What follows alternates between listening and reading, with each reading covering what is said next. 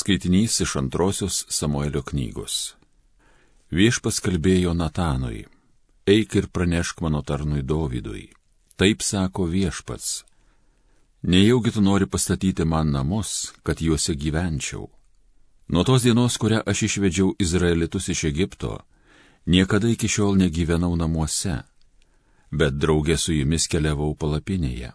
Tada, kai draugė su Izraelitais baščiausi iš vietos į vietą, Argi tuomet nepasakiau vienam iš Izraelio teisėjų, kuriuos aš paskyriau, kaip ganytojų savai tautai? Kodėl jūs nepastatėte man rūmų iš kedro? Todėl pasakyk mano tarnui Dovydui. Tai sako kareivijų viešpats, aš tave paėmiau iš ganyklos nuo bandos, kad būtum vadovas mano tautai Izraeliui. Visuose tavo žygiuose aš buvau su tavimi, visus tavo priešus sunaikinau tavo akise, ir išgarsinau tavo vardą kaip vardą žemės didžiūnų.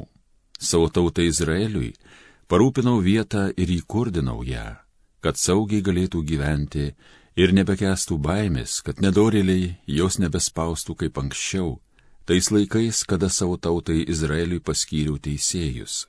Tau suteiksiu ramybę su visais tavo priešais. Tad viešpats tau praneša, kad pats tau namus pastatysės Kai pasibaigus tavo dienoms tu ilsėsiesi pas tėvus, aš tavo palikonį kilusi iš tavęs paskirsiu tavo įpėdiniu ir sutvirtinsiu jo viešpatavimą. Jisai pastatys mano vardui namus, o aš jo sostą sutvirtinsiu amžiams. Aš jam būsiu tėvas, o jis man bus sūnus. Jeigu jisai prasižengtų, aš jį nuplakčiau rimbais ir rykštėmis, kaip žmonės daro, bet savo malonės aš jam netimsiu, kaip Sauliui buvau ją atėmęs, kad jį tau matant atstūmiau. Tavo namai ir valdžia mano globojami tvers amžiais, tavo sostas visada bus tvirtas. Natanas pasakė Dovydui visą, kas jam buvo pasakyta ir apreikšta. Tai Dievo žodis.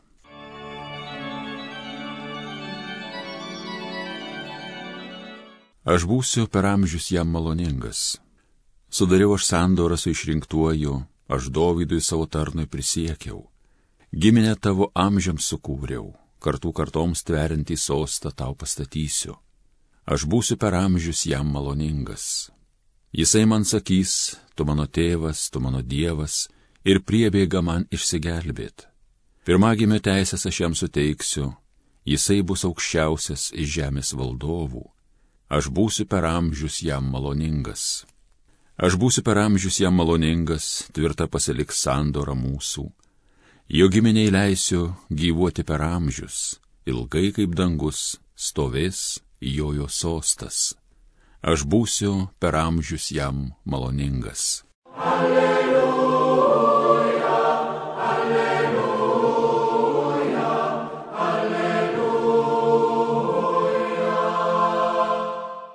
Sėkla tai Dievo žodis, sėjėjas Kristus, kas jį susiranda, bus gyvas per amžius.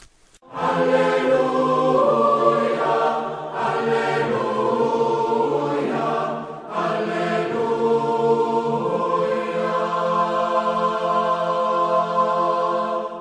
Viešpat su jumis iš Ventosios Evangelijos pagal Morkų. Jėzus vėl ėmė mokyti paežerėje. Prie jo susirinko didžiulė minė, kad jis net įlipo į valtį ežere ir sėdėjo ant vandens, o visa minė liko sausumoje palei ežerą. Jis mokė juos daugelio dalykų palyginimais. Mokydamas kalbėjo. Paklausykite, antai sėjėjas išsirengė sėti. Jam besėjant, Dalis grūdų nukrito palei kelią ir atskridę paukščiai juos sulėsė. Kiti grūdai nukrito į uolėtą dirbą, kur buvo mažai žemių ir greit sudygo, nes neturėjo gilesnio žemės sluoksnio. Bet sauliai užtekėjus, daigai nuvyto ir neturėdami šaknų sudžiuvo.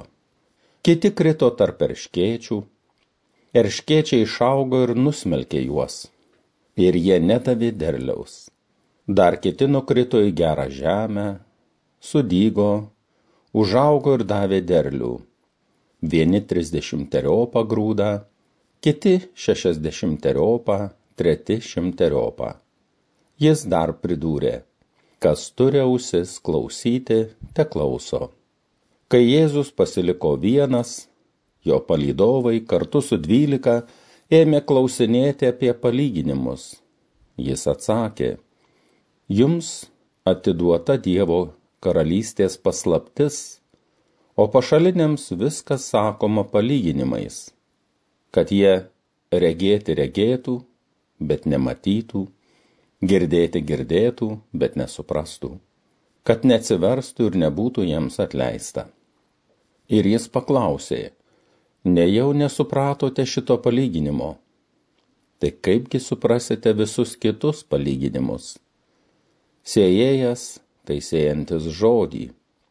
Palei kelią sėjama žodis tai žmonės, kuriems vos išgirdus žodį, ateina šietonas ir išplėšia juose pasėtą į žodį. Panašiai ir su tais, kurie pasėti uolynėje. Išgirdę žodį, jie to jau su džiaugsmu jį priima, bet jie neturi savyje šaknų ir yra nepastovus, Ištikus kokiai negandai ar persekiojimui dėl žodžio, jie greit atkrinta. Yra dar kiti, siejami tarp erškėčių. Jie išgirsta žodį, bet pasaulio rūpeščiai, turto apgaulė ir įvairios sukilusios aistros nusmelkia žodį ir jis tampa nevaisingas. Geroje žemėje pasėta sėkla tai tie, kurie išgirsta žodį, priima jį ir duoda vaisių trisdešimteriopą, šešiasdešimteriopą ir šimteriopą. Tai viešpaties žodis.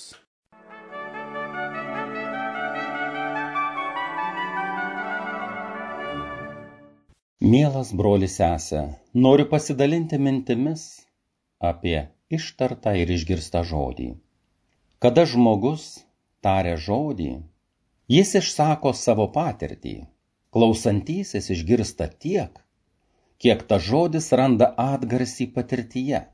Jeigu jokios panašios patirties klausantysis neturi, tai žodis lieka nebylus. Štai kodėl viešpats Jėzus kalbėjo palyginimais, kad klausytųjų sielose rastų atgarsį asmeninėje patirtyje. Jeigu žmonių kalbai suprasti reikia mūsų asmeninės patirties, tai dar labiau Dievo mokymui pažinti reikia pažinimo augimo. Todėl pakartotinai skaitydami ar klausydamėsi Dievo žodžio, keičiantis mūsų žinioms, mes girdime vis kitus dalykus. O Dievo žodis yra be galo turtingas ir mes niekada neprisikasime iki Dievo žinojimo pilnatvės. Todėl kelionė Dievo žodžio pažinime nuolat mus stebina, gaivina ir praturtina. Viešpaties mokiniai tai nujautė ir ilgai nelaukdami, kaip girdėjome Evangelijoje, likę vieni su mokytoju, paklausė, kas slypi palyginime. Ir išgirdo tai, ko jų asmeninė patirtis negalėjo pakuždėti. Šitai vyksta visų žmonių ir visų šventųjų gyvenime. Gaila nesu tiek susipažinęs su šventojo Pranciškaus Salezo biografija, kad galėčiau jums papasakoti, apie jo kelionę Dievo žodžio pažinime.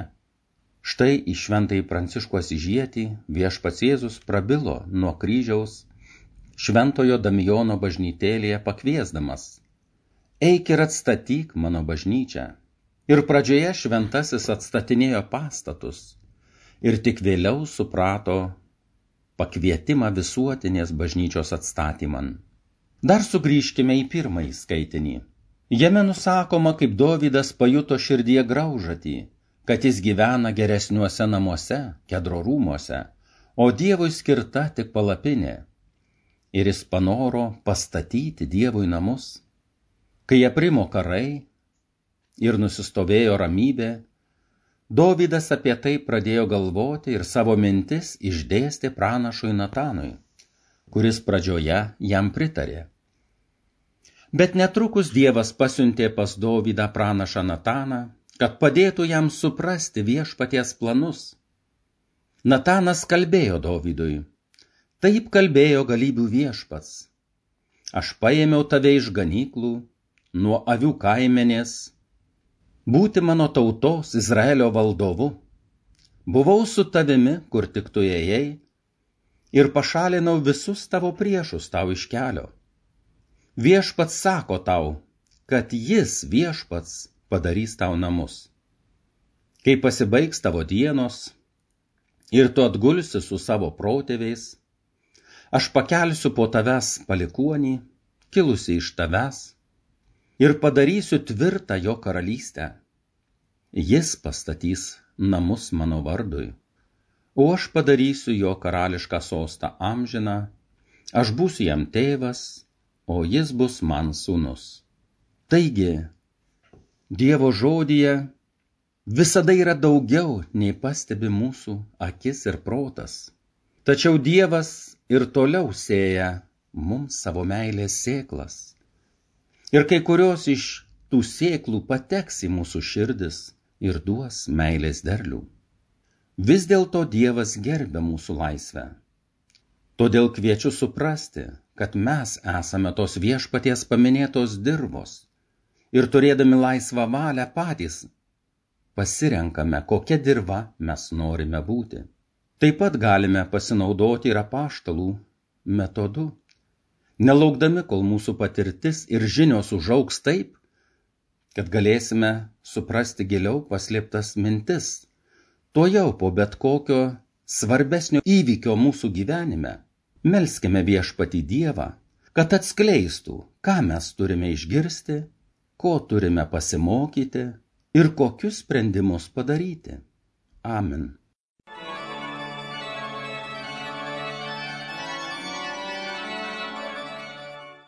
Evangeliją skaitė ir homiliją sakė brolis pranciškonas kunigas Antanas Grabnickas.